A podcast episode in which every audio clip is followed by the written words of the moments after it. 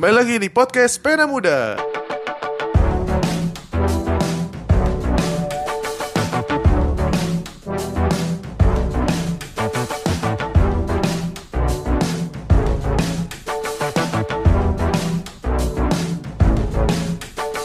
Systems of oppression fueled by Ya, oke. Kembali lagi di podcast Pena Muda episode ke 7 Episode yang sangat mendadak dan tidak begitu dipersiapkan Tapi karena kali ini saya bersama dengan senior-senior, senpai-senpai yang bisa saya andalkan jadi saya tidak perlu khawatir.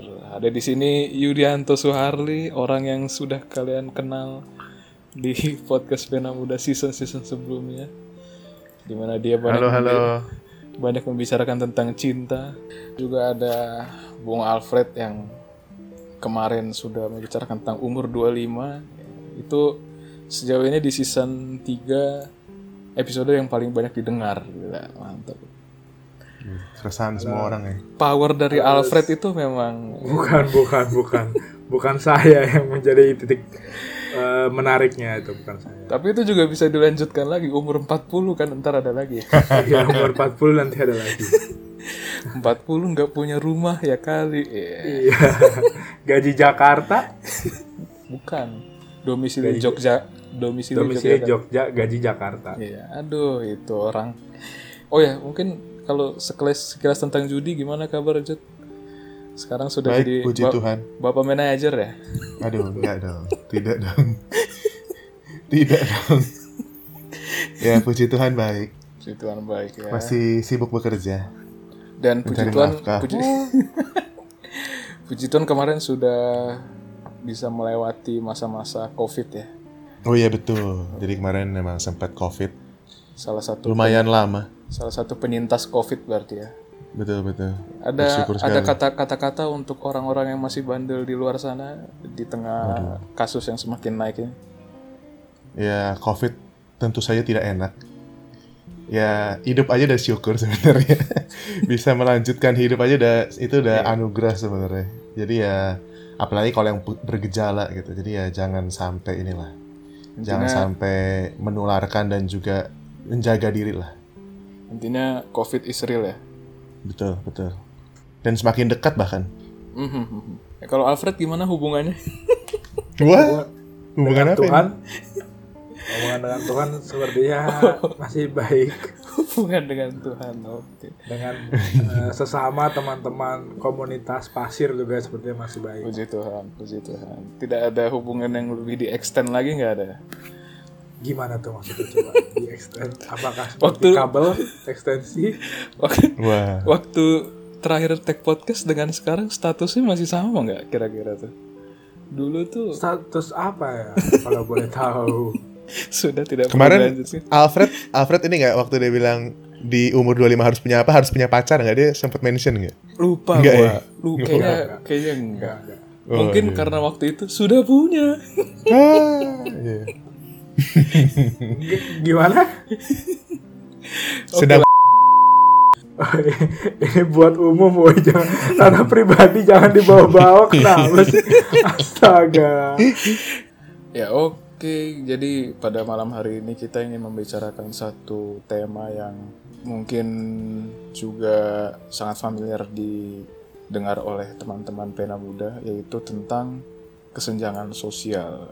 Nah, kenapa sih kita membicarakan tema ini? Kenapa kira-kira? Ada yang bisa memberikan alasan? mungkin dari teman saya yang punya pengalaman langsung untuk mengatasi kesenjangan sosial di Nusantara ini Ah, iya iya betul betul. Waduh, iya. Enggak sih, enggak, enggak selebay itu sebenarnya. ya jadi memang, oh ya halo semua, perkenalkan Yudi. Waduh. Jadi emang kebetulan, walaupun tidak ada yang kebetulan. Jadi em, sempat bekerja di, em, kalau teman-teman tahu tuh namanya YCAB, Yayasan Cinta Anak Bangsa. Jadi itu semacam NGO atau non-governmental organization yang fokus memang di bidang ini sih, apa, em, ya di bidang sosial dan khususnya itu lebih ke em, edukasi dan juga eh, ekonomi kemarin itu. Jadi emang kita bukan kita sih jadi mereka sekarang selalu sudah tidak gitu. Sekarang sudah pindah bekerja. Jadi emang mereka uh, fokusnya lebih ke situ sih. Jadi um, uh, dari segi edukasinya mereka mengedukasi atau me- me- lebih tepatnya tuh memberikan uh, paket C lah kejar paket C gitu dan juga uh, vocational vocational training uh, untuk anak-anak yang putus sekolah biasanya gitu. Dan dari segi pemberdayaan ekonominya uh, mereka tuh lebih ke memberikan ini sih literasi finansial dan juga um, pinjaman modal kerja yang sifatnya mikro gitu. Hmm. Ya, sebenarnya lebih ke situ sih kalau boleh cerita sedikit tentang background. Dan ya kenapa topik ini menarik sebenarnya ya ya sebenarnya memang kesenjangan itu nyata adanya gitu. Jadi memang uh, teman-teman pernah lihat ini gak sih apa meme meme meme sememe lagi meme yang Jadi dong kasar. enggak dong enggak kasar Gue kaget. kasar. Enggak dong meme meme meme tentang itu tuh apa yang ada yang tentang Taj Mahal tuh gak sih Taj Mahal terus habis itu masa nggak tahu sih Aduh. Di sekitarnya ya, apa daerah di iya sekitarnya. di situ Taj Mahal Taj Mahal tuh wih areanya bersih terus habis Pokoknya itu mewah pokoknya itu kan apa helikopter view kan. betul Terus ada Taj Mahal, terus ada border ya istilahnya kayak Iya, pembatas. heeh. terus Sebelahnya kumuh banget gitu. kumuh betul ya itu sebenarnya itulah apa ya defi bukan definisi sih ya itu itu meme Gambaran. tentang kesenjangan yang paling inilah yang paling nyata lah dan yang paling kelihatan banget gitu. Terus ada juga yang bikin meme yang baru gitu. Dan ini real beneran ini pernah orang pernah pernah kunjungin soalnya. Soalnya kan ada apa mitra-mitra eh, YCAB tuh banyak di sana. Jadi ada yang eh, atas tuh yang yang Taj Mahal tuh diibaratinnya Plaza Indonesia. Terus bawahnya kebun kacang tau gak sih? Yang Tau ada, ada kebun meme, kacang gak sih? Itu yang Taj Mahal tuh diibaratin si si Plaza Indonesia terus yang kebun kacang tuh Hmm. apa yang yang permukiman tuh kebun kacang gitu. Iya, iya. Ya kemarin sih emang sempet kunjungin sih. Tapi mungkin nggak di kebun kacangnya banget, pokoknya daerah-daerah situ lah deket-deket ya kalau nggak salah deket-deket Tanah Abang juga ya nggak sih? Kalau yang orang Jakarta gitu. Mhm. Jadi emang bener-bener eh ya pemukimannya tuh bener-bener padat banget gitu. Jadi satu rumah itu paling cuma kayak berapa ya? Ya kayak kamar kosan gitu. Kayak kamar kosan. Jadi satu rumah itu bentuknya kayak kamar kosan. Jadi ya eh, beda dengan kayak misalkan eh, tiga ya kali mungkin tiga teman-teman- lah ya. Tiga Iya. kali- Itu udah rumah tuh. Ya nggak ya nggak sesempit itu lah. Jadi Oh, mungkin ada ada lebih lebih lebih luas dikit tapi itu udah udah all in gitu jadi udah dapur sama udah kasur ada di situ gitu dan pokoknya ruang tamu juga di situ jadi ya ya ya itu pemukiman yang benar padat di di apa namanya di di Jakarta gitu dan sempat juga ada daerah namanya Tambora nah Tambora itu kalau teman-teman searching juga itu sebenarnya daerah terpadat density eh, population yang paling padat di di Asia Tenggara kalau nggak salah hmm. gitu. Jadi adanya di Jakarta dan ada di Tambora gitu. Dan itu memang banyak banget penduduknya. Dan ya itu kemarin mitra-mitranya YCAB itu banyak di sana. Jadi yang emang eh, hidupnya dempet-dempetan banget dan ya semakin padat jumlah penduduk ya hampir pasti juga meningkat juga kemiskinan gitu karena eh, ya banyak kan karena itu pemukiman yang eh, biasanya kumuh segala macam gitu. Mhm. Jadi ya sebenarnya kalau ditanya kenapa ini topik perlu dibahas ya sebenarnya perlu juga gitu. Ya khususnya mungkin masalah ekonomi gitu ya. Dan terlepas dari itu juga ada juga beberapa kayak inilah ya eh, apa eh, kalau itu kan lebih ke yang udah ekstrim banget gitu. Nah mungkin ada juga yang lebih ke eh, apa namanya meme meme juga yang yang bukan meme siapa celotehan-celotehan di Twitter yang yang mungkin Frans sama Alfred juga pernah denger nih. Yang ada apa? Kerja banting tulang sebulan gaji cuma 800 ribu gitu. Terus habis itu ada yang apa? Eh, influencer ya atau apa Nih, gitu. nih itu ada nih, gua gua cuma ngepost. Nah, ya coba bacain Frans. Jadi katanya di dunia fana ini ada orang-orang yang digaji 800 ribu setelah kerja siang malam sebulan penuh. Dan ada juga yang dibayar 80 juta untuk pekerjaan sepele macam bikin IG post dalam 1-2 jam. Kalau menurutmu dunia kayak gini nggak rusak, berarti nalarmu yang rusak. Nah, nah itu menarik sih itu kalau ini ya apa kita bincangkan. Tapi gimana kalau menurut Frans sendiri apa tuh? Gimana menurutmu me- mendengar hal tersebut tuh gimana Frans? Eh, kalau misalkan gue malah jadi ke fokusnya ke kata-kata terakhirnya. Kalau menurutmu dunia kayak gini nggak rusak, berarti nalarmu yang rusak. Kalau gue pikir ya memang gue sih sebagai orang Kristen ya, udah ya udah diajarkan juga karena bumi ini emang udah rusak. Jadi menurut gue itu suatu apa ya ironi dan gambaran dunia yang memang sudah jatuh dalam dosa kalau kita bicara Kristen ya. Tapi mungkin kata-kata seperti itu sulit untuk diterima sama orang-orang di luar Kristen ya. Bahkan mungkin di dalam lingkungan Kristen kata-kata seperti itu sulit untuk diterima gitu.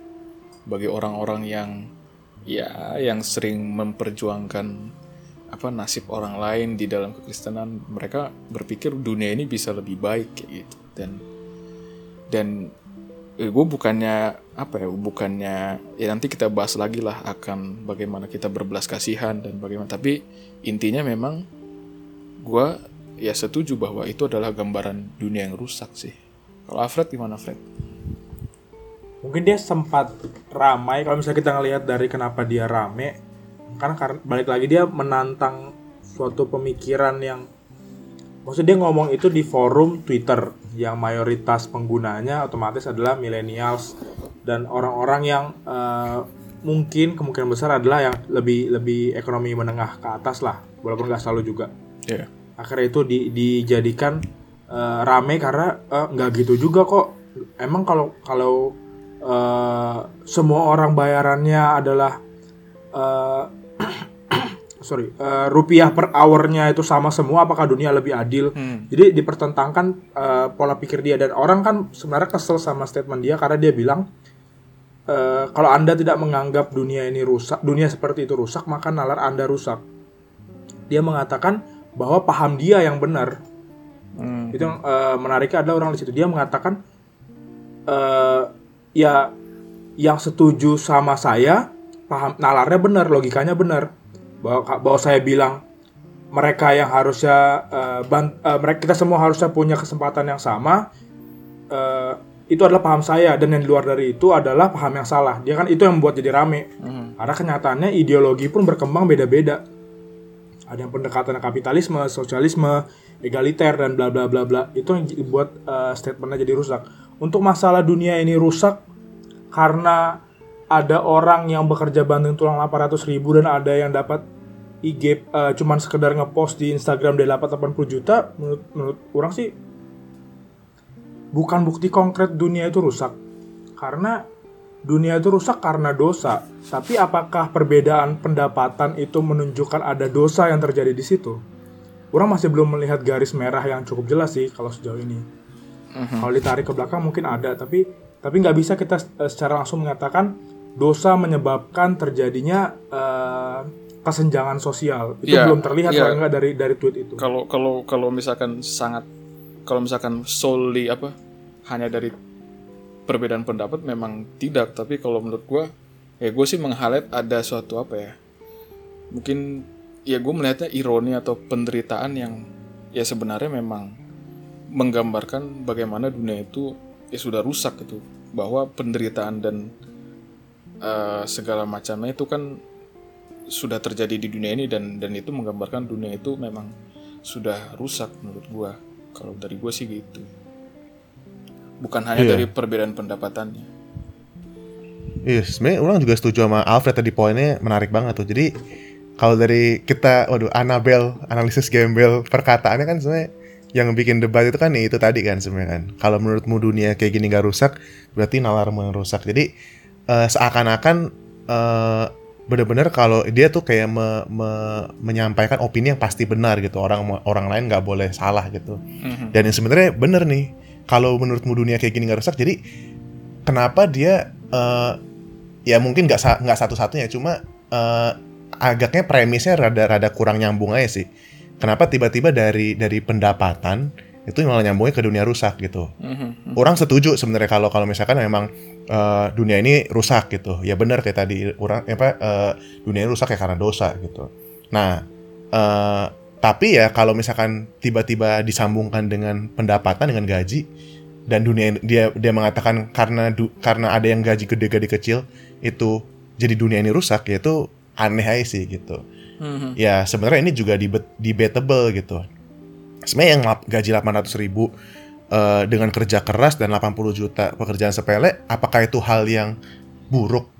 Sebenarnya sih menurut orang ya itu hal yang wajar gitu lah. Maksudnya bukan bukan bukan sema- semata-mata kita melihat oh ini berarti ada kesenjangan dan ini satu hal yang buruk. Orang pernah pernah baca di mana gitu, kalau nggak salah di Instagram juga. Jadi ya sebenarnya emang orang itu ngelihatnya lebih objektif sebenarnya.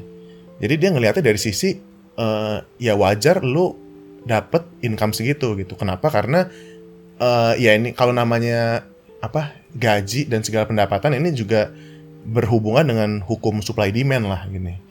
Jadi eh, yang demandnya atau yang yang pengen itu banyak, ya ya berarti gajinya mungkin akan akan lebih banyak gitu. Tapi dilihat lagi dari supply-nya. Kalau supply-nya berarti supply itu berarti tenaga kerja yang bisa melakukan Hmm. skill itu adalah banyak gitu. Ya pasti ya itu dihargainya nggak terlalu besar dibandingkan dengan uh, skill-skill yang memang butuh uh, apa yang yang yang yang bisa itu dikit gitu. Nah ya apalagi di sini influencer lah. Di sini di sini dia dia me, ngerucutnya mungkin lebih bikin influ- influencer kan. Yang bikin IG post satu dua aja mungkin influencer atau selebgram segala macem ya nggak semua orang bisa jadi influencer selebgram gitu. Mhm. Nah itu ya ya wajar aja kalau digajinya atau ya dapat pendapatannya itu lebih gede gitu. Dibandingkan misal saya nggak tahu aku nggak tahu sih kalau yang 800 ribu ini siang malam itu apa. Mungkin eh ya nggak tahu lah nggak nggak mau ini juga nggak nggak mau sebut juga. Cuma ya eh, bisa jadi kemungkinan besar itu akan akan ah, itu adalah eh, kerjaan-kerjaan yang mungkin lebih umum dan hampir semua orang mungkin bisa gitu. Yang lebih ngandelin bisa jadi lebih ngandelin otot gitu Ya. jadi ya nah itu sebenarnya eh, ya nggak 100% bener juga ini tuh dan nggak 100% salah juga sebenarnya debate- debatable lah sebenarnya. Gitu. Cuma ya untuk memang kalau menurutmu dunia ini eh, apa dunia ini rusak ya setuju. Cuma untuk alasannya kalau alasannya adalah dunia ini rusak karena ada perbedaan pendapatan ya itu orang ya setuju-setuju enggak sih. Lebih banyak nggak setujunya sebenarnya. Mhm. Gitu sih kalau menurut orang. Berarti kalau misalkan kita lihat dari perbedaan ya ada yang 80 juta, ada yang 800 ribu dan ya banyak lah perbedaan-perbedaan lain kayak si miskin dan si kaya ini sebenarnya menurut maneh, maneh-maneh semua ini sejatinya sebenarnya adalah ya gimana kita melihatnya sebagai seorang Kristen ya? Apakah ini memang sesuatu hal yang perlu diseimbangkan nih berarti kita perlu menyeimbangkan supply and demand gitu. atau memang sebenarnya ini ada ada privilege tersendiri dari orang-orang tersebut ada yang orang tidak punya privilege dan terlebih lagi kalau misalkan kita lihat privilege kalau gue udah ngomong di episode-episode yang lalu ya privilege itu memang rencana Tuhan gitu. berarti apakah memang perbedaan-perbedaan ini ketimpangan dan kesenjangan ini adalah termasuk rencana Tuhan menurut kalian Menurut orang sih kalau misalnya kita ngeliat contoh di Alkitab, ya paling mudah adalah kita lihat contoh yang perumpamaan talenta nggak sih? Ada yang lima, ada yang tiga, dan ada yang satu. Di mana eh ya ketika yang dapat lima, ternyata dia pakai lima untuk dikembangkan lagi, dapat tiga dikembangkan eh, lagi. Yang satu ternyata malah nggak diapa-apain. Jadi melihatnya apakah kita harus semuanya dapat satu? Atau apa kita semuanya harus dapat tiga biar semuanya adil? Enggak juga. Hmm. karena Tuhan menceritakan ada yang lima ada yang tiga dan dia berikan sesuai dengan uh, kapasitas kita. Yang Tuhan lihat malah bukan jumlahnya dijadikan berapa atau misalnya yang Tuhan lihat adalah effort kita kan pada akhirnya. Jadi ketika kita terlahir mungkin dengan keluarga yang uh, pendapatannya tinggi atau mungkin kita bilang secara ekonomi menengah ke atas dengan apa yang kita miliki itu apa yang kita lakukan? Apakah kita menjadi berkat untuk sesama atau malah kita menjadikan itu eh, untuk berfoya-foya untuk semakin menindas yang di bawah? Sementara di lain pihak ketika kita berada di ekonomi papan bawah apakah kita bersungut-sungut? Apakah kita mengutuk Tuhan? Bahkan kan? Akhirnya tantangannya berbeda tapi Ya. sebagai orang Kristen eh, melihatnya adalah tidak ada suatu keharusan semua harus mendapat talenta yang sama Hmm. yang diharuskan oleh Tuhan adalah bagaimana kita mengelola dan memakai talenta yang dikasih sama kita. Balik lagi kita di dunia ini eh, kata yang sering dipakai dulu tuh penata layan. Kita mengelola apa yang Tuhan punya. Kita di sini dikasih apa itu sebenarnya semua balik ke Tuhan. Gak ada yang pure punya kita di dunia ini. Sebagai seorang Kristen mau kamu kaya maupun kamu rendah bagaimana kamu memposisikan dirimu terus menerus menjadi penata layan Tuhan sih itu yang penting bukan soal kita menyamakan pendapatan orang menjadi satu karena itu ntar jatuhnya akan ke paham sosialis dan komunis malah kalau kita gali lebih jauh lagi dan itu bukan kekristenan Iya, sebenarnya kalau itu setuju banget tadi lagi-lagi. Emang tadi juga sempat orang sempat kepikiran itu juga. Jadi emang eh, kalau ditanya em, kesenjangan itu rencana Tuhan atau bukan, orang lebih condong ya lebih ke em, ya memang itu di- di- diizinkan Tuhan terjadi lah gitu. Kesenjangan sosial itu eh, atau ya ekonomi segala macam itu memang diizinkan Tuhan terjadi. Ya berarti itu memang ada di dalam rencana Tuhan juga gitu yang kita percaya. Nah tadi eh, buktinya adalah toh Tuhan mengumpamakan tentang talenta tadi yang udah sempat di-mention Alfred. Berarti kan memang memang eh, ya Tuhan memberikan seakan-akan ya modal orang itu bisa berbeda-beda lah kalau kita bisa bilang. Tapi kan ya yang bukan berarti Tuhan itu nggak adil dan bukan berarti ya eh, Tuhan tuh sengaja gitu. Eh lu eh, benar-benar lu gue buat miskin segala macam. Ya mungkin ada gitu, tapi untuk tujuan tertentu gitu. Jadi ya nggak semesta nggak nggak semata-mata itu benar-benar eh, ya di luar rencana Tuhan kagak gitu. Nah, terus untuk yang tadi privilege ini menarik juga sebenarnya nih. Eh, orang lebih setuju sebenarnya kalau privilege itu semua orang sejatinya kalau menurut orang pribadi nih ya, itu semua orang sebenarnya diberikan privilege. Betul, betul. Tapi privilege-nya beda-beda gitu. Nah, mungkin setiap orang itu di pikirannya itu lebih nganggapnya privilege itu berupa uang atau ya terlahir di keluarga yang kaya. Yang notabene mereka bisa sekolah yang tinggi, bisa ya makan makanan bergizi gitu ya, Iya, sehingga bisa bisa, banyak investasi di mana-mana. Iya. Jadi ya Properti udah nggak di sana sini.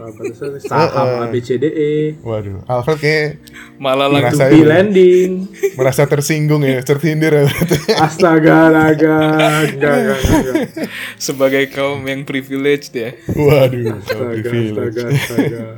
Enggak ya Iya. pendengar pena muda itu tidak benar itu tidak benar Enggak, tapi kan kita semua punya privilege kan. betul betul Betul. eh, dan menurut orang ya privilege-nya tuh sebenarnya beda-beda Iya. gitu. Ya memang orang lebih condongnya ke materi gitu. Ya, ya. Cuma ya sebenarnya lahir di dalam keluarga yang utuh aja pun itu sebenarnya suatu privilege Betul. gitu kan.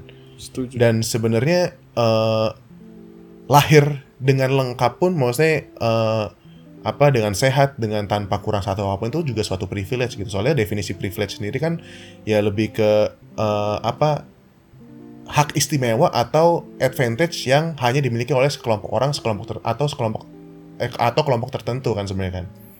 Nah jadi ya sebenarnya eh, bedanya adalah ya memang eh, kelompok tersebut lebih umum gitu maksudnya eh privilege tersebut lebih umum gitu. Kayak misalkan diberikan kesehatan ya semua orang mikirnya ya emang harusnya semua orang lahir itu dengan sehat gitu. Jadi orang itu nggak menganggap itu lagi sebagai privilege gitu.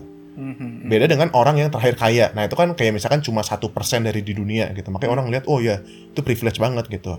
Ya padahal sebenarnya sehat itu juga atau atau terakhir dengan di keluarga yang utuh pun sebenarnya ada suatu privilege Betul. gitu. Betul. Sebenarnya itu.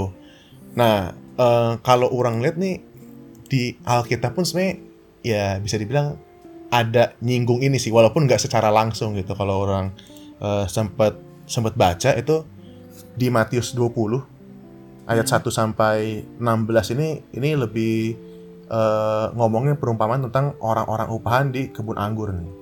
Jadi ya eh, kalau sedikit cerita ya intinya di sini Tuhan bilang hal adapun hal kerajaan sorga itu sama seperti seorang tuan rumah yang pagi-pagi benar keluar mencari pekerja-pekerja untuk kebun anggurnya. Nah singkat cerita dia inilah istilahnya mencari kebun anggur dan ada beberapa kloter tah gitu. Ada beberapa kloter, ada yang jam 9, ada yang jam 1, ada yang jam 3, ada yang jam 5, segala macam lah. Ini nggak nggak nggak kita apa baca karena mungkin keterbatasan waktu ya. Tapi intinya ada yang seperti itu. Gitu. Ya, ya. Nah, terus habis itu di di apa ketika udah udah udah petang nih ya, udah udah selesai nih jam kerjanya. Nah, diupah diupah nih sama si tuan tanahnya gitu kan. Diupah dan yang lucunya diupahnya itu yang eh, yang terakhir baru join gitu. Itu yang duluan dikasih upahnya gitu. Dikasih padahal mereka sebenarnya udah sepakat satu dinar per hari kan. Jadi itu udah udah kesepakatan di awal gitu. Nah, yang datang terakhir yang notabene misalkan datang jam 5, pulang kerja jam 6 gitu. Nah, yang yang datang jam 5 pulang jam 6 itu berarti kerja cuma satu jam kan. Nah itu dikasih satu dinar gitu. Salah nggak? Ya nggak salah karena kesepakatannya satu dinar per hari gitu.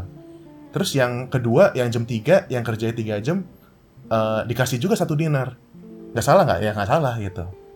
Nah sampailah di yang sampai jam eh yang, yang mulai jam 9 pagi gitu. Dia berarti kerja berapa lama tuh? 9 jam lah gitu. Nah dia tetap diupah satu satu dinar per hari. Nah di sini kita ngelihat Alkitab tuh mencatat di ayat keberapa ya? Em, intinya dia dia itu bersungut-sungut nih di ayat ke-11 bersungut-sungut katanya di ayat 12 mereka yang masuk terakhir ini hanya bekerja satu jam dan engkau menyamakan mereka dengan kami yang sehari suntuk bekerja berat dan menanggung panas terik matahari. Nah ini mungkin sesuai dengan yang tadi perumpamaan 800 ribu dan 80 juta mungkin ya. Ya mungkin nggak apple to apple cuma agak mirip lah gitu. Nah eh, Tuhan jawab di sini. Di ayat ke di ayat ke eh, 14 ambillah bagianmu dan pergilah. Aku mau memberikan kepada orang yang masuk terakhir ini sama seperti kepadamu oh iya sebelumnya di ayat ke 13 eh, tetapi Tuhan itu menjawab seorang dari mereka saudara aku tidak berlaku tidak adil terhadap engkau. Bukankah kita telah sepakat sedinar sehari? Gitu. Ya memang kesepakatannya adalah sedinar sehari. Jadi sebenarnya nggak nggak curang dong. Itu emang kesepakatannya agreement di awal kayak gitu. Mhm. Nah, yang menarik di ayat ke-15 nih yang yang menurut orang nih eh, tadi poin ada yang menyangkut dengan poin privilege gitu. Di ayat ke-15 dia bilang, "Tidakkah aku bebas mempergunakan milikku menurut kehendak hatiku atau iri hatikah engkau karena aku murah hati?" gitu. Ya berarti kan di sini kan konteksnya kan tuan tuan tanah ini adalah eh, Yesus gitu ya yang Hmm. mempekerjakan gitu. Ya berarti ya sebenarnya di sini ada satu otoritas yang mana memang ya dia bermurah hati gitu Hmm. ya justru kita perspektifnya ya kalau misalnya kita diberikan privilege ya itu memang Tuhan lagi murah hati Tuhan memang murah hati gitu Mhm. yang dia murah hati buat semua orang nggak nggak cuma eh, nggak cuma yang yang istilahnya kerja eh, kerja cuma satu jam gitu. Tapi kerja 9, 9 jam itu pun ya Tuhan juga bermurah hati sama dia. Mhm. gitu. Jadi ya sebenarnya eh, privilege itu kalau orang bisa mengkaitkan dengan sini ya dikaitkan dengan ya itu sebenarnya suatu kemurahan hati Tuhan. Gitu. Ya kita sebagai penerima privilege ya apa pun itu ya harusnya kita bersyukur gitu. Mhm. karena itu adalah bentuk kemurahan Tuhan gitu Mhm. kalau orang sih mandangnya gitu Dan mungkin kalau gue mungkin bisa meralat kata privilege, gue lebih ingin menyebutnya sebagai providence ya.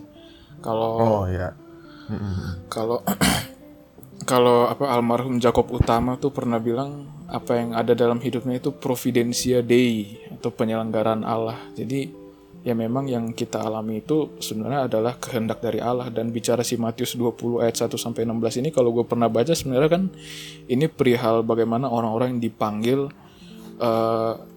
ik- mengikut Kris apa mengikut atau percaya sama Kristus itu ya tidak ada bedanya ketika lu dipanggil saat lu masih muda ataupun masih tu ataupun udah tua ataupun lu mau mati itu sama aja lu akan masuk ke dalam kerajaan sorga. Tidak ada perbedaan nantinya. Tapi dari situ sebenarnya bisa dilihat juga konsep penyelenggaran Allah itu seperti apa bahwa Allah itu punya providence kan. Dan juga kalau gue melihat di Alkitab pun kita bicara soal kaya dan miskin ya itu banyak sekali ditemukan di Alkitab. Kesenjangan pun dari dulu sudah ada di Alkitab. Kalau misalkan kita lihat di Markus 12 ayat 41 sampai 44 itu tentang persembahan janda miskin kan. Di situ kan ada orang yang bilang ah di situ bahkan itu bukan perumpamaan kan itu kejadian nyata gitu. Waktu Yesus bersama murid-muridnya eh, ngelihat di situ ada masukkan uang ke dalam kotak banyak orang kaya yang masukkan banyak uang dan kemudian datanglah janda miskin yang memasukkan dua uang tembaga yaitu uang receh kalau misalkan di bahasa Indonesia sehari-hari. Jadi dari sini kelihatan juga bahwa ada kesenjangan sosial di dalam itu dan dan eh, Yesus tidak tidak tidak apa kalau misalkan memang tujuan Allah itu adalah membuat kesetaraan ya Yesus tidak tidak melihat itu harus setara gitu tidak tidak mengusahakan kesetaraan di dalam eh, kehidupan kita sebagai manusia. Dan tapi ya perlu diingat juga bukan berarti kita meniadakan belas kasihan kepada orang lain juga karena Yesus juga meneladankan itu kepada kita kan. Dan bahkan dari imamat dari zaman imamat kalau misalkan dilihat imamat 19 ya ayat ayat eh, 9 sampai 10 lah ayat 10 dibilang eh ayat dari ayat 9 pada waktu kau menuai hasil tanahmu janganlah kau sabit ladangmu sampai habis habis-habis sampai ke tepinya gitu. Habis itu dan buah yang berjatuhan di kebun anggurmu janganlah kau pungut tapi semuanya itu harus kau tinggalkan bagi orang miskin dan bagi orang asing. Jadi kalau gue melihat ya Allah pun apa ya dari situ sudah ada desain bahwa akan ada orang-orang yang berkekurangan dan ada orang-orang yang berkelebihan. Jadi dari situ sudah ada desainnya kayak gitu. Apa ya dan nggak sedikit juga orang Kristen yang menginginkan keadilan lah kayak berjuang untuk bisa uh, supaya orang-orang supaya orang-orang miskin itu terbantu supaya orang-orang supaya kita itu bisa hidup apa lebih seimbang dan sebagainya nah kalau maneh maneh ini gimana nih menyikapi semua itu tuntutan Oh, iya. tuntutan orang-orang untuk bisa kita lebih memperhatikan kemiskinan dan sebagainya ini. Mm-mm. Sebenarnya kalau orang lebih me, ininya sih ngelihatnya mungkin bukan memberantas kesenjangan kali ya, tapi lebih ke melandaikan atau apa sih mempersempit kesenjangan sebenarnya mungkin. Kalau yang orang lebih nangkep gitu ya. Mhm. Kalau kita mungkin teman-teman pernah dengar juga ada yang namanya kalau di indikator ekonomi kan yang sering terkenal tuh waktu debat capres, Hah? Capres kan lebih ke Gini ratio gitu kan. Jadi kan itu kan indikator yang memperlihatkan kesenjangan gitu. Di mana kalau nggak salah satu itu berarti sangat sangat senjang gitu ya. Nol itu berarti ya ya pokoknya semua sama rata gitu. Atau Hmm. kebalik lupa sih sebenarnya. Tapi kayak harusnya bener gitu.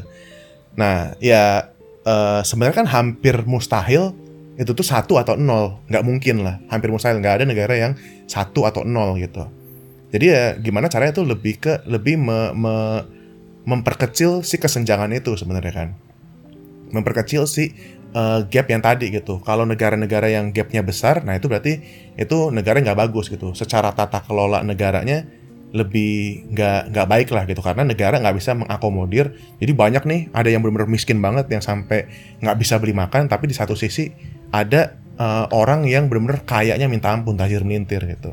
Nah berarti negara kurang bisa mengakomodir itu gitu. Nah sebenarnya kan negara pun juga kalau di Indonesia sendiri kan itu udah sedikit banyak udah ada sistemnya lah gitu kan secara sistemnya. Contoh secara perpajakan gitu. Perpajakan kalau kalau eh, PPH itu kan sekarang kita sistemnya progresif. Jadi eh skala misalkan yang yang gajinya setahun 0 sampai 54 juta per tahun itu kan nggak nggak di nggak dikenakan pajak kan masih kan Jadi bicara Iya. pemerintahan nih. oh iya bisa, bisa. tapi soalnya nyambung soalnya nyambung Analis pemerintah ternyata. Aduh, bukan dong analis Lanjut, ini. lanjut, lanjut. Boleh, boleh. boleh. Menarik. Iya, 0 sampai 54 itu kan nggak dikenain PPH gitu kan. Istilahnya masih PPKP lah gitu, masih bebas pajak. Penghasilan tidak Walaupun kena tetap harus pajak ya. lapor. Betul. Iya, iya. Terus penghasilan berapa sampai berapa kena 5%. Penghasilan berapa sampai berapa kena tambahan 15% dan seterusnya gitu. Sampai udah di atas berapa itu 30% atau berapa gitu kan. Bang semua- Yudi, Bang Yudi udah 30% ya. Wah, enggak dong. Masih jauh dong tentunya. Iya, jadi Nah, itu pun ngomongin pajak saya nggak bayar. Wah, ya kalau gaji nggak usah Ruth mungkin Wah. ya. Eh jangan Nggak gua, tahu sih. ini cut way cut way cut. Gak ada bahasa salah personal ini. we. Iya, sebenarnya emang kita pun juga istilahnya secara sistem pemerintah, pemerintah itu juga berupaya kan untuk untuk mempersempit si kecenga- kesenjangan sosial ini. Iya, iya. Dan juga kalau dari Menteri Sosial pun juga mereka kan banyak ada program bansos segala macam. yang Wah, kenapa bahas ke situ? ya bisa jadi, mungkin ada oknum-oknum tertentu gitu. kan. Oknum. Nggak semuanya, tidak semuanya. Gitu. Nah, jadi emang tujuan lebih ke bansos itu kan emang upaya pemerintah untuk eh, apa yang tadinya itu istilahnya benar-benar miskin sekali atau yang apa namanya yang yang mungkin makan aja nggak mampu nah itu itu gimana caranya dia bisa naik gitu sehingga secara eh, Gini ratio ya bisa inilah bisa bisa semakin turun gitu ya kan kemarin kan kayak gitu kan kalau nggak salah tuh waktu debat capres tuh ada yang bilang tuh eh ini kita indikatornya bagus nih gini rasionya sudah mengecil gitu sudah sudah semakin sempit gitu kesenjangannya Wah jelas aja bapak soalnya di pas di bulan tersebut waktu bapak survei ya itu baru diberikan bansos gitu Jadi ya jelas aja tuh langsung naik gitu di bulan itu. Nah kayak gitu ada ya itu kan sebenarnya salah satu ini salah satu upaya untuk mempersempit kesenjangan gitu. Jadi ya sebenarnya kesenjangan pasti ada dan eh, bukan memberantas itu sebenarnya kalau yang orang lebih nangkap tapi gimana caranya lebih ke eh, mempersempit si kesenjangan ini sih gitu. Gitu sih palingan. kalau kalau dari orang tidak bisa sedalam itu analisisnya cuma orang lebih ke melihat apa ya eh, maksudnya orang setuju dengan Yudi tidak tidak mungkin kita apa eh, bukan tidak mungkin tapi memang tujuan akhirnya bukan untuk memberantas kemiskinan karena kalau nggak salah eh, Yesus juga pernah bilang tentang orang miskin akan selalu konteksnya agak-agak orang tarik agak jauh Iya, dia pernah iya. bilang tentang orang miskin akan selalu ada. Nah mungkin tadi uh, Frans sempat bertanya tentang apakah eh, peran gereja adalah untuk menyalurkan harta orang kaya ke yang lebih miskin. Orang melihatnya begini. Orang nggak Eh, ada bilang gitu, woy. Iya, para paraphrasing, paraphrasing. Kurang lebih lah. Iya. Role gereja atau role adalah orang melihat begini. Eh, ajaran Yesus tuh tentang kekayaan jelas sebenarnya. Dia beberapa kali memberikan beberapa pernyataan. Contoh kepada orang kaya yang mau masuk surga, dia bilang jual semua hartamu dan ikut aku. Dengan perumpamaan eh, unta di lubang jarum itu juga sangat jelas dan tapi balik lagi Alkitab tidak pernah mengajarkan anti kekayaan. Tapi Alkitab mengajarkan untuk menjadi saluran berkat, menjadi saluran kasih. Dari itu sebenarnya pes- eh, peran gereja bukan lebih ke menyalurkan kekayaan. Oke, mungkin itu bisa ada bansos, ada lain-lain. Oke, benar. Tapi peran gereja mengingatkan bahwa ketika kita hidup di dunia ini bukanlah kekayaan yang kita kejar, bukanlah wealth or uh, material stuff. Itu bukan itu yang dikejar. Bagaimana gereja mem- uh, menempatkan setiap jemaatnya untuk ingat bahwa bukan itu yang Tuhan mau. Yang Tuhan mau apa yang Dia kasih kepadamu jadi berkat buat orang lain. Dan ini mungkin jadi kesempatan menarik orang ingin menyampaikan dengan adanya fenomena Injil kemakmuran. Orang-orang yang pergi ke gereja berharap menabur sekian dan menuai sekian, itu sudah jelas suatu ajaran yang salah. Dan orang dengan iya orang ini kan menurut orang ini platform yang tepat untuk menyatakan itu. Sangat Ketika keras. kamu pergi ke gereja untuk memberikan satu juta dan berharap kamu mendapat 2 juta, kita lihat lagi apakah itu merupakan suatu ajaran kekristenan. Karena kita udah berkali-kali menyinggung di sini bahwa eh, Tuhan tidak pernah mem- mempermasalahkan, mempersoalkan kondisi status ekonomimu.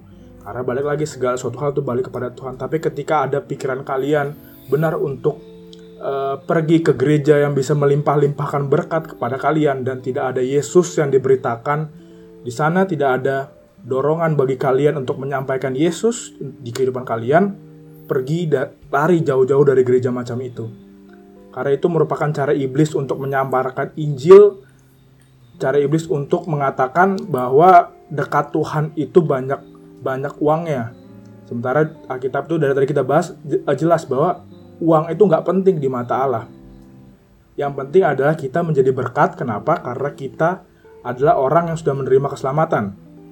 Kita menjadi berkat karena kita sudah diberkati itu harus ditekankan oleh gereja terus-menerus. Gereja yang benar. Tapi ketika ada gereja mengatakan, datanglah ke gereja A, sumbangkan sekian. Maksud kita, eh, kita oke, kita jangan ambil kasus lokal, kita ambil kasus USA. Televangelist, itu sudah jelas-jelas sangat salah. Mereka minta uang sekian, maka melimpah-limpah sekian, maka akan ada kesembuhan dan lain-lain. Kirimkan dana sekian bla bla bla bla. Itu menurut orang adalah apa ya penyimpangan kekristenan yang sangat-sangat ber- berbahaya ketika kita berbicara soal eh, perbedaan sosial. Karena kita akan muncul bagaimana dengan orang yang eh, ekonominya rendah? Apakah dia tidak dapat tidak bisa mendapatkan berkat Tuhan? Kayak gitu. Sementara kita juga belajar dari tadi eh, diskusi sorry Tuhan nggak penting mat- eh, di mata dia status kita kayak gimana. Intinya, jadi kalau misal orang boleh simpul, eh, tarik kesimpulan dari omongan orang adalah tugas gereja mengingatkan bahwa kita terus-menerus harus menjadi saluran berkat. Apa yang sudah Tuhan kasih, baik besar maupun kecil, jadikanlah berkat untuk orang lain. Karena kita di sini adalah penata layanan penata layannya Tuhan. Kita mengelola apa yang sudah Tuhan kasih agar kemuliaan bagi Tuhan semakin ditinggikan. Paling itu sih. Orang miskin bisa, Fred. Lu ngasih aja dulu kan bentar. Sejuta. Kita berkembang berkembang. Berkembang, gitu. Lama-lama jadi orang kaya. Ya tapi Tidak anyway masuk akal. poin poin Alfred yang itu menarik bahwa eh, gereja itu harusnya tidak fokus kepada wealth atau kekayaan.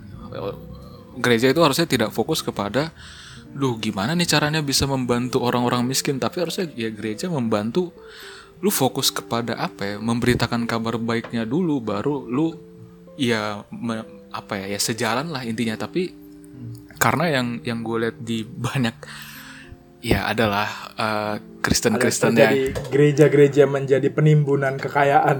ya mungkin Waduh, penimbun. tapi tapi tapi gue lihat ya ada gerakan-gerakan yang oh nasionalis yang gereja itu harus bergerak dan sebagainya gitu Sebut saja gereja A, nggak tahu gue gereja apa tapi ada gerakan oknum. oknum mungkin ya yang wah terus menerus menggembar-gemborkan eh, gereja harus berdampak gereja harus eh iya memberi kepada orang-orang miskin melihat kepada yang di sekitarnya. Jangan cuma bicara firman Tuhan. Lah kok gereja jangan cuma bicara firman Tuhan? Terus yang bicara firman Tuhan siapa gitu kan? Jadi eh menurut gua ajaran Tuhan Yesus sudah jelas lah di dalam kita memberikan kepada sesama gitu ya. Mengasihi sesama seperti dirimu sendiri dan sebagainya. Dan ya itu sudah jelas ketika kita harus memberikan uh, ya mem- mempunyai belas kasihan kepada orang miskin lah. Tapi kalau misalnya kita harus mengganti peran gereja untuk atau mengganti peran utama orang Kristen untuk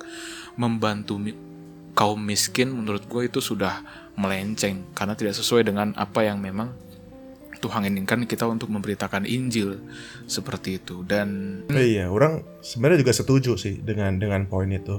Jadi ya, tapi kalau untuk kalau misalkan poin adalah apakah gereja harus memberikan, ya sebenarnya ya Ada iya, tapi juga, ada Ya. juga. iya, tapi itu bukan bukan peran utamanya dan dan kalau kalau konsepnya adalah itu adalah atau mungkin kita lebih condong ke sini kalau bahasanya diakonia itu adalah suatu program nah itu yang itu yang bakal jadi salah kenapa karena harusnya memberi itu adalah justru respons kan Betul. respons ketika kita udah diberikan kita udah tahu nih Tuhan udah memberikan kita eh, ya kekayaan itu kekayaan tuh nggak harus secara materi ya.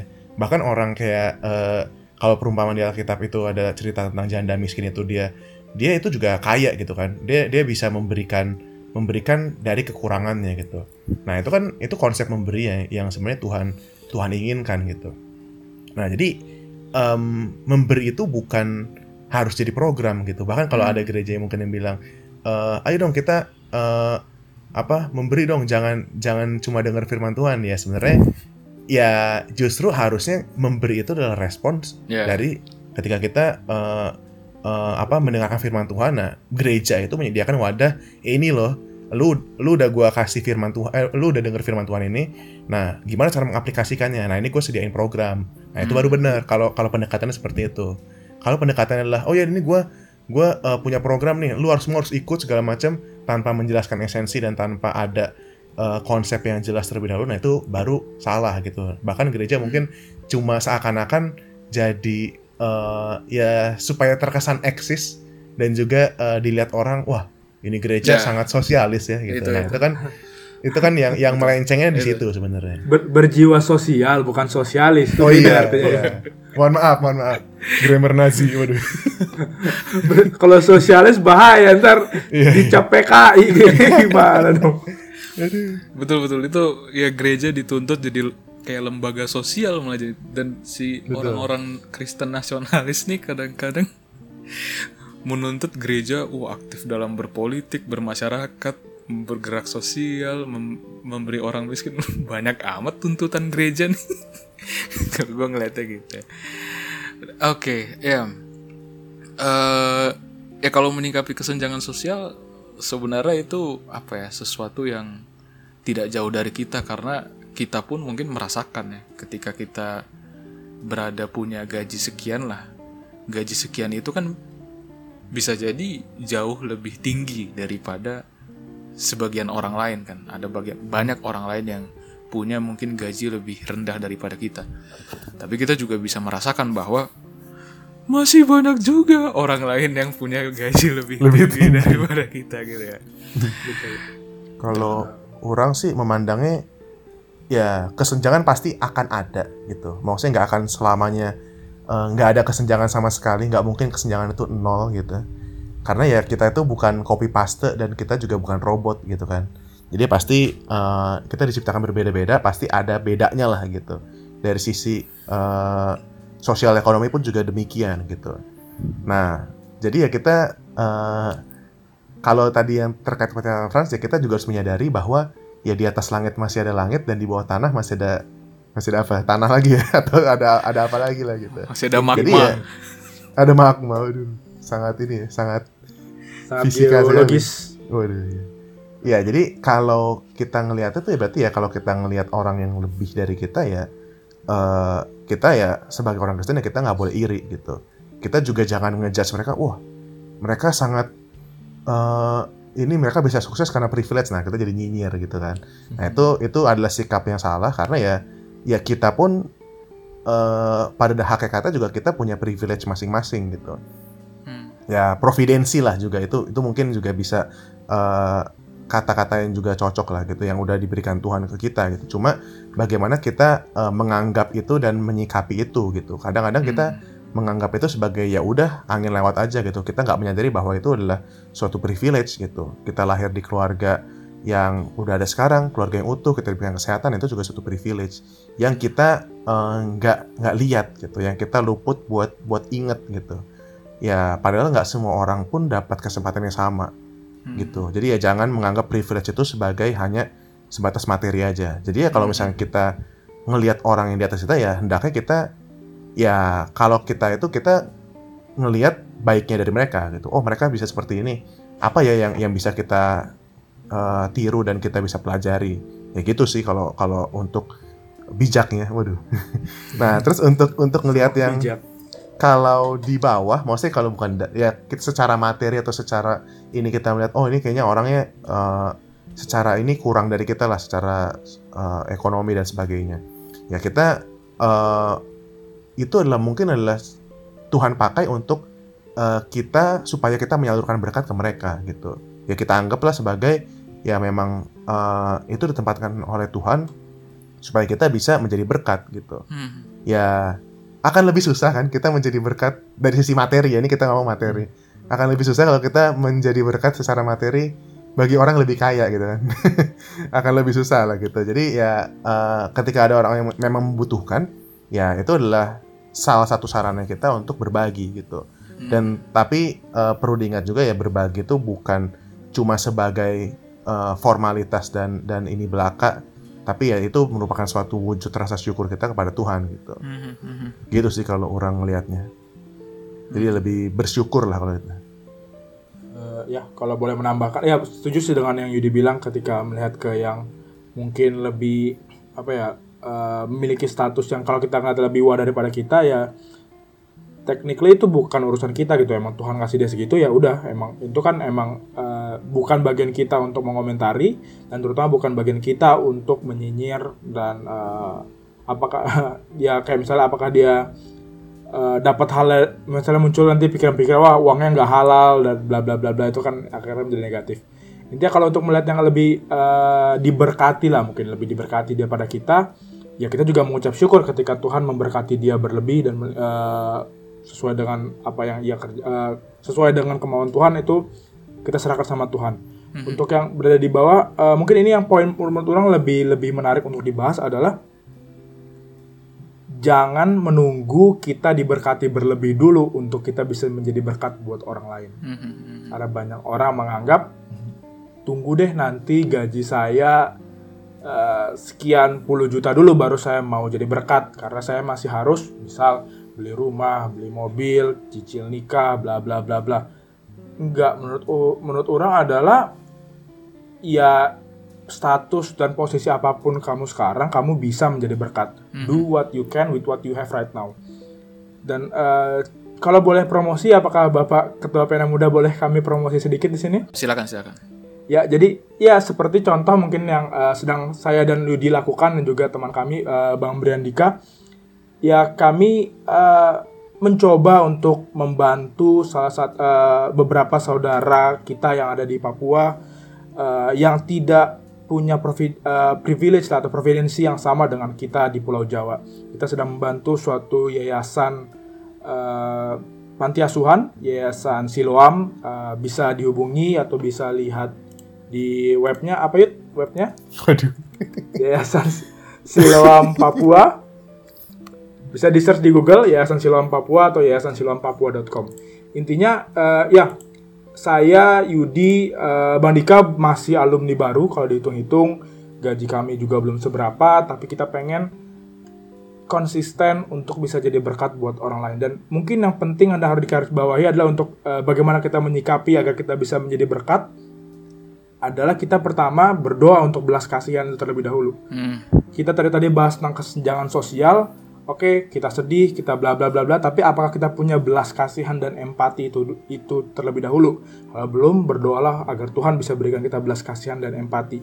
Sadar itu apa? Kita beranjak kepada komitmen eh, apa yang bisa kita lakukan dengan apa yang kita miliki sekarang.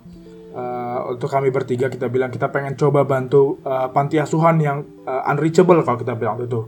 Belum disupport oleh gereja belum eh, punya donor yang tetap kita mencoba mencari itu menjadi keterbebanan dan panggilan kami kurang lebih. Dan kita komitmen kita bantu setiap bulan walaupun hanya belum bisa bertemu secara langsung tapi kita bisa eh, meringankan beban-beban mereka dari eh, da- eh, mungkin dari gaji yang kami peroleh tiap bulan. Akhirnya ada komitmen dan semakin kita berkomitmen belas kasihan itu semakin tumbuh. Walaupun gaji kami nggak terlalu besar tapi kami bisa terus mencoba untuk menjadi berkat buat mereka yang di sana. Dan itu mungkin orang ingin mengajak siapa pun yang mendengar podcast kali ini do what you can what, with what you have. Tetap jadi berkat jangan merasa berkat Tuhan terlalu kecil buat kamu. Doakan terlebih dahulu belas kasihan agar kamu bisa memiliki belas kasihan untuk mengatasi uh, kesenjangan ini atau apa pun itu. Dan ya do concrete actions apa pun itu bentuknya sih. Mhm, mhm. Terima kasih Alfred. Dan untuk teman-teman kembali lagi bagi yang tergerak dan saya harapkan juga tergerak meskipun saya juga belum terlibat tapi ya mungkin nanti akan suatu akan terlibat juga di dalam Yayasan Siloam Papua ini. Seperti itu. Dan ya kalau gua mungkin mau melihatnya eh, perihal kaya dan miskin ini pasti akan selalu ada. Pengupah dan yang diupah itu akan selalu ada. Kalau misalnya kita lihat di Alkitab Paulus itu selalu membicarakan tentang hamba dan Tuhan kan? Efesus 6 ayat 5 Hai hamba-hamba taatilah Tuhanmu. Kolose 3 ayat 22 Hai hamba-hamba taatilah Tuhanmu. Titus 2 ayat 9 Hambalah hendaklah taat kepada Tuhannya. Paulus di sini nggak bilang seperti yang mungkin orang-orang sering apa kita mungkin sering lihat hamba-hamba berontaklah kepada Tuhanmu dan tuntutlah kesetaraan tidak seperti itu. Tapi ham, tapi Paulus memesankan supaya hamba taatilah Tuhanmu. Tapi bukan berarti Tuhan juga bisa memperlakukan hambanya semena-mena. Karena di selalu mungkin hampir selalu dipasangkan antara ayat-ayat hamba dan ayat-ayat Tuhan. Ya. di mana dibilang dan kamu Tuhan-Tuhan perbutlah demikian juga terhadap mereka dan jauhkanlah ancaman dan hai Tuhan Tuhan berlukah adil dan jujur terhadap hambamu. Jadi memang itu akan selalu ada. Dan kembali lagi kalau itu mungkin sikap kita kepada apa ya apa yang ada di atas kita ya Tuhan kita atau siapa pun itu mungkin taatilah dan ya tetap menjadi eh, hamba yang taat pada Tuhan dan kalau misalkan kita melihat kondisi kita dan kondisi yang di bawah kita kembali lagi mungkin yang bukan kembali lagi tapi yang gue pengen utarakan itu senantiasa bersyukur.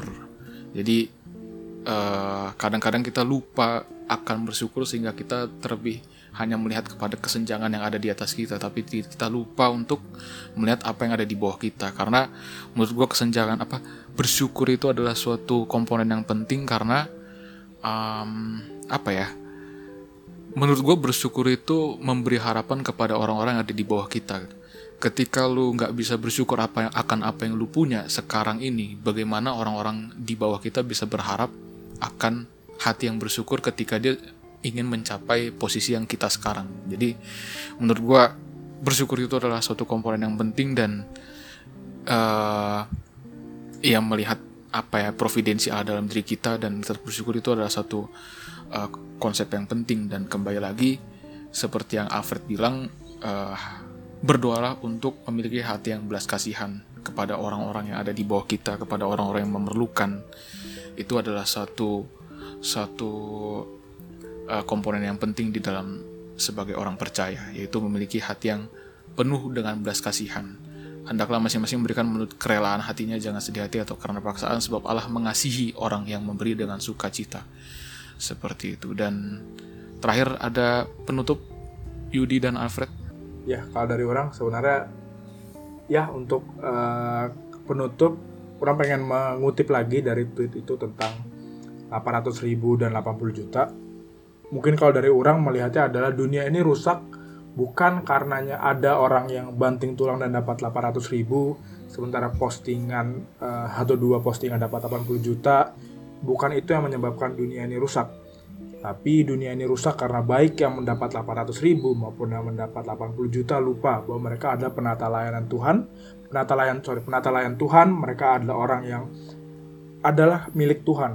Itu yang membuat dunia ini rusak karena orang lupa bahwa apa pun yang ada di dunia ini milik Tuhan, semua kembali ke Tuhan dan kembali ke kemuliaan Tuhan.